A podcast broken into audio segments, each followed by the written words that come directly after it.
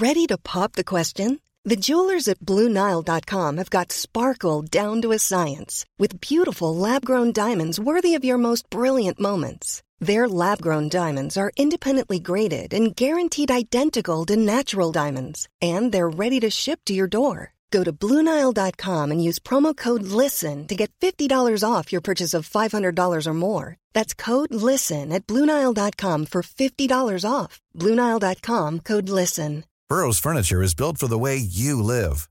From ensuring easy assembly and disassembly to honoring highly requested new colors for their award winning seating, they always have their customers in mind. Their modular seating is made out of durable materials to last and grow with you. And with Burrow, you always get fast, free shipping. Get up to 60% off during Burrow's Memorial Day sale at burrow.com slash ACAST. That's burrow.com slash ACAST. burrow.com slash ACAST.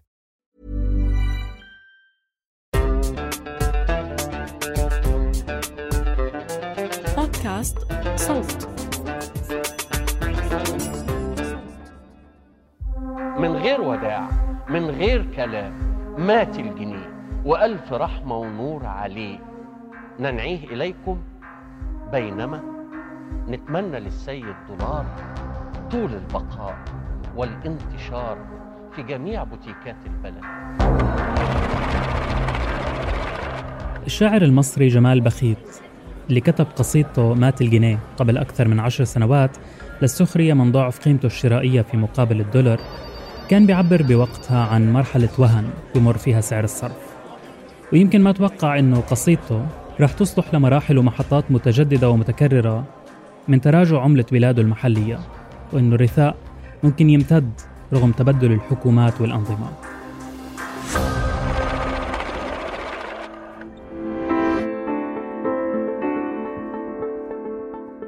مرحبا. هذا بودكاست المستجد وأنا محمود الخواجة. في كل حلقة بناخدكم بعيدا عن ضجيج العناوين حتى نتعمق في واحدة من قصص أو أخبار عالمنا ونفهم الخلاصة. في حلقة اليوم نحكي عن أزمة النقد الأجنبي في مصر وشو اللي بيصير مع العملة المحلية المصرية. والدولار ب 4 جنيه يعني 40 ألف جنيه. يوم الاثنين 21 آذار مارس استيقظ المصريين على قرار مفاجئ بخفض قيمة الجنيه أمام الدولار. التخفيض تنفذ في الدقائق الأولى التالية لمواعيد فتح البنوك بما قيمته قروش بسيطة تحديدا 21 قرش. بس بعد ما كان الدولار بيساوي حوالي 15.6 جنيه صار سعره 15.8 بسيطة وما حدش انتبه. لكن قبل حلول الساعة العاشرة صباحا بدقائق معدودة الجنيه فقد حوالي 15% من قيمته أمام الدولار ووصل السعر الأخير لحوالي 17.5 جنيه لا هيك الموضوع كبر وبطل بسيط وفعلا الموضوع كبر أكثر والدولار؟ ها؟ وصلت للدولار مين اللي دولك؟ اللي ساكن في الخامس آه والله ده إحنا اتنطقنا قوي الدولار دلوقتي يجيب فوق ال 190 يا موت مع نهاية يوم العمل البنكي استمرت العملة المحلية المصرية في التراجع اللي وصل نسبته ل 17% وارتفع سعر الدولار للمرة الثالثة خلال يوم واحد إلى 18.25 جنيه.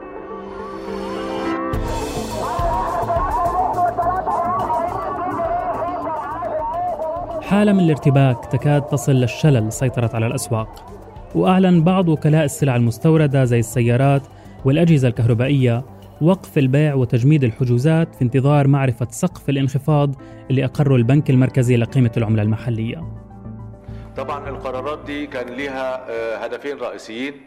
إحنا القرارات دي كان آه، هدفها إن إحنا نحافظ على المقدرات آه، المالية لمصر ونحافظ على سيولة النقد الأجنبي قرار خفض قيمة الجنيه جاء مصحوب بقرار ثاني من البنك المركزي. وهو رفع سعر الفائدة على الإيداع والإقراض بقيمة 1% هذا القرار تم في اجتماع استثنائي للجنة السياسات النقدية في نفس اليوم. بالإضافة إلى ما سبق طرح البنك المركزي شهادات ادخار لمدة سنة واحدة بفائدة 18% يمكن صرفها شهرياً. طبعا المركزي رفع الفائدة وطرح الشهادات في نفس اللحظة اللي قرر يخفض فيها قيمة الجنيه عشان يشجع الناس على الاحتفاظ بالجنيه طبعا بعد ما قيمته قلت بقرار منه. وبرضه عشان يمنع الناس من الدولرة يعني تحويل المدخرات أو أي سيولة لدولارات والاحتفاظ بها كمخزن للقيمة. القرارات المفاجئة بخفض قيمة الجنيه اللي كمل مسيرة التراجع في اليومين التاليين ليرتفع سعر الدولار إلى 18 جنيه فاصلة 32 مش بس أربكت الأسواق لا وكمان المستهلكين وخلقت تساؤلات عند الشارع المصري حوالين شو اللي عم بيصير. وليش حصل في هذا التوقيت؟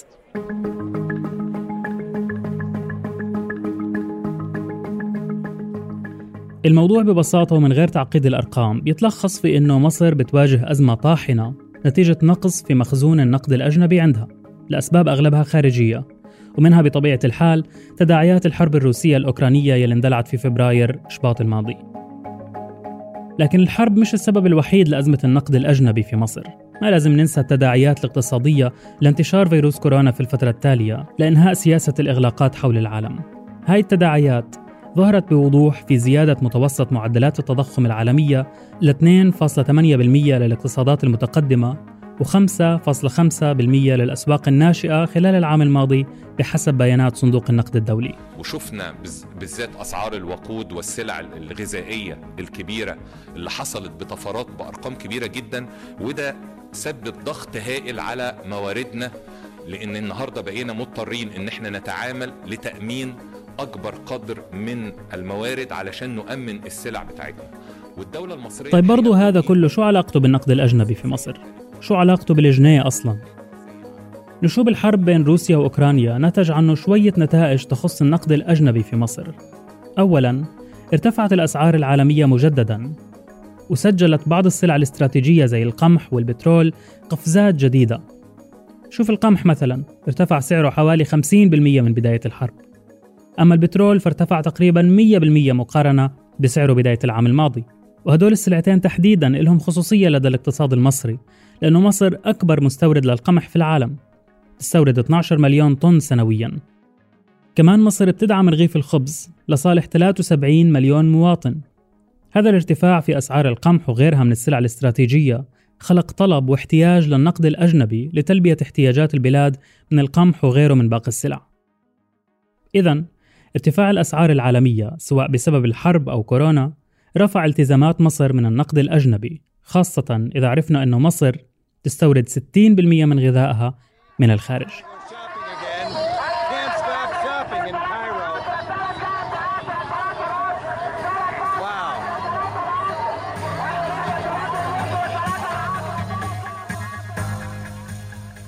ثانيا الحرب خلقت حالة هلع عند المستثمرين الأجانب وعدم ثقة في أدوات الدين الحكومي. زي الصكوك وحسابات التوفير وسندات الدين. ودفعتهم لسحب استثماراتهم من مصر وأغلب الأسواق الناشئة فيها. ووصلت قيمة المسحوب لأكثر من 15 مليار دولار من أدوات الدين الحكومية منذ بدء الحرب.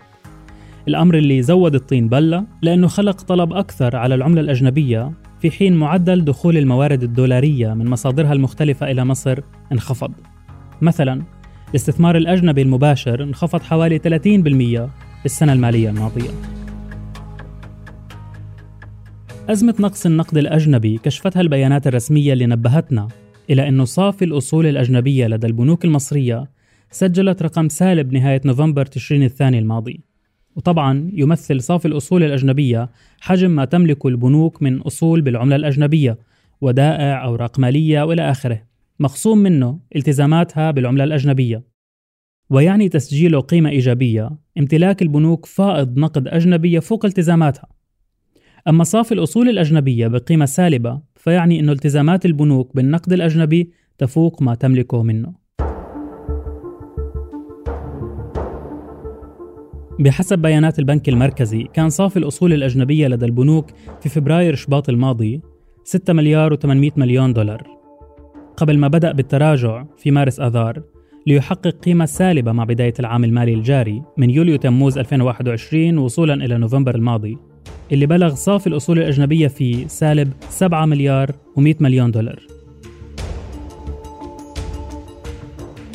انطلاقا مما سبق ارتأى صناع السياسات النقدية في مصر أنه لابد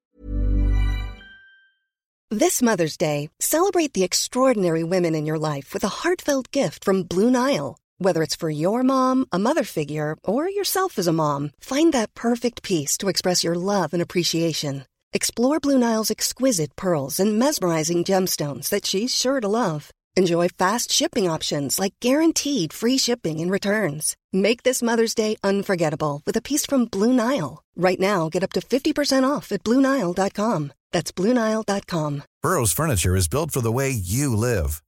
From ensuring easy assembly and disassembly to honoring highly requested new colors for their award-winning seating, they always have their customers in mind. Their modular seating is made out of durable materials to last and grow with you. And with Burrow, you always get fast, free shipping. Get up to 60% off during Burrow's Memorial Day sale at burrow.com slash ACAST. That's burrow.com slash ACAST. burrow.com slash ACAST.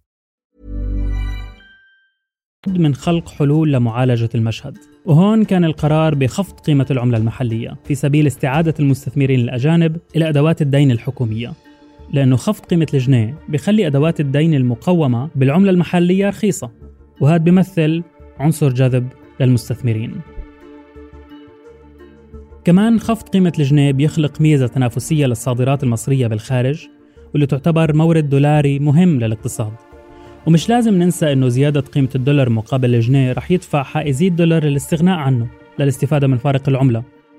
وأخيرا تخفيض قيمة الجنيه. كان واحد من مطالب صندوق النقد الدولي لمصر في إطار تفاهمات ممتدة بين الحكومة والصندوق للحصول على تمويلات طارئة وغير طارئة. وفعلا بعد يومين اثنين من خفض قيمة الجنيه تقدمت مصر بطلب تمويل لصندوق النقد يوم 23 مارس آذار. بالرغم من أنه خفض قيمة الجنيه كان خطوة متوقعة من قبل المحللين وبعض بنوك الاستثمار زي بنك الاستثمار جي بي مورغان على سبيل المثال إلا أنه عمل صدمة لدى الشارع المصري بس ليش؟ لأنه هاي الخطوة معناها زيادات جديدة في الأسعار قادمة في الطريق وانخفاض القدرة الشرائية للجنيه في وطن يعاني حوالي 29% من أهله من الفقر اللي بتشير التوقعات لإمكانية زيادته بعد موجات التضخم العنيفة وانخفاض القدرة الشرائية للعملة المحلية. المخاوف من سقوط مواطنين جدد داخل دائرة الفقر دفع الحكومة المصرية لاتخاذ بعض الإجراءات الوقائية بتكلفة 130 مليار جنيه لمواجهة تداعيات الخفض في قيمة العملة المحلية والتضخم المستورد. زي مثلا إنها رفعت حد الإعفاء الضريبي ل 30 ألف جنيه بدلا من 24 ألف سنويا. وكمان بكرت صرف الزيادات السنوية من الأجور والعلاوات لشهر أبريل نيسان بدل من يوليو تموز مع بداية السنة المالية الجديدة. كمان رجعت الحكومة العمل بنظام الدولار الجمركي عشان تساعد ولو شوي في استقرار أسعار السلع المستوردة. وتثبيت الدولار الجمركي يعني تحديد قيمة ثابتة لسعر المواد المستوردة حتى ما تتأثر بتغير قيمة العملة. وكمان بيحمي الصناعة المحلية من التأثر بتقلبات قيمة العملة.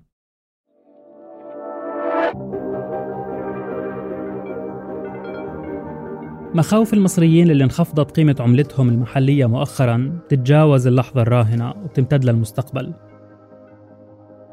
القلق من الوضع المستقبلي للقوى الشرائية للعملة المحلية مستويات الأسعار في الداخل والخارج وبطبيعة الأمر قلق مشروع لمواطني دولة بتستورد 65% من احتياجاتها من القمح و60% من احتياجاتها من الألبان ونفس النسبة من اللحوم و95% من الزيوت و35% من السكر و100% من العدس و70% من الفول هذا بالنسبة للغذاء فقط ناهيك عن المواد الوسيطة وخامات الإنتاج المختلفة وهو اللي بيخلي دايما جيوب المصريين عرضة لصدمات سعرية مع كل حركة في الدولار لأعلى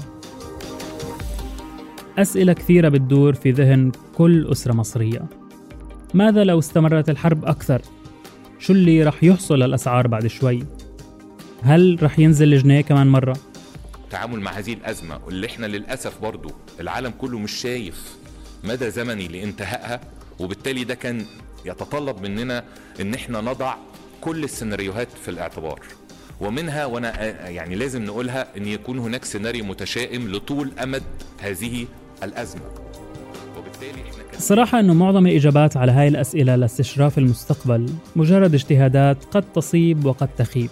لأنه في حالة من عدم اليقين تجاه مسببات الأزمة.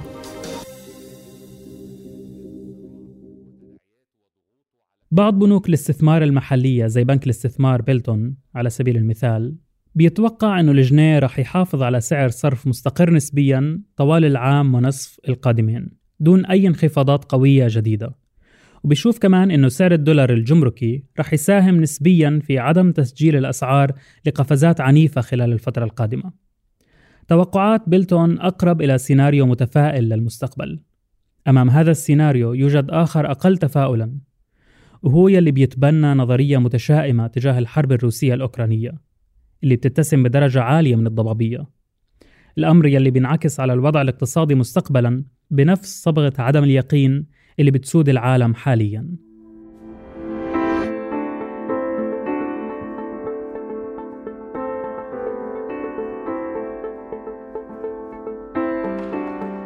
كنت معكم من التقديم محمود الخواجة من الكتابة أميرة جاد. للتحرير عمر فارس والهندسة الصوتية محمود أبو ندى. اشتركوا بقناة المستجد وين ما كنتوا عم تسمعوا هاي الحلقة لتوصلكم تنبيهات بالحلقات الجديدة. بودكاست المستجد من إنتاج صوت.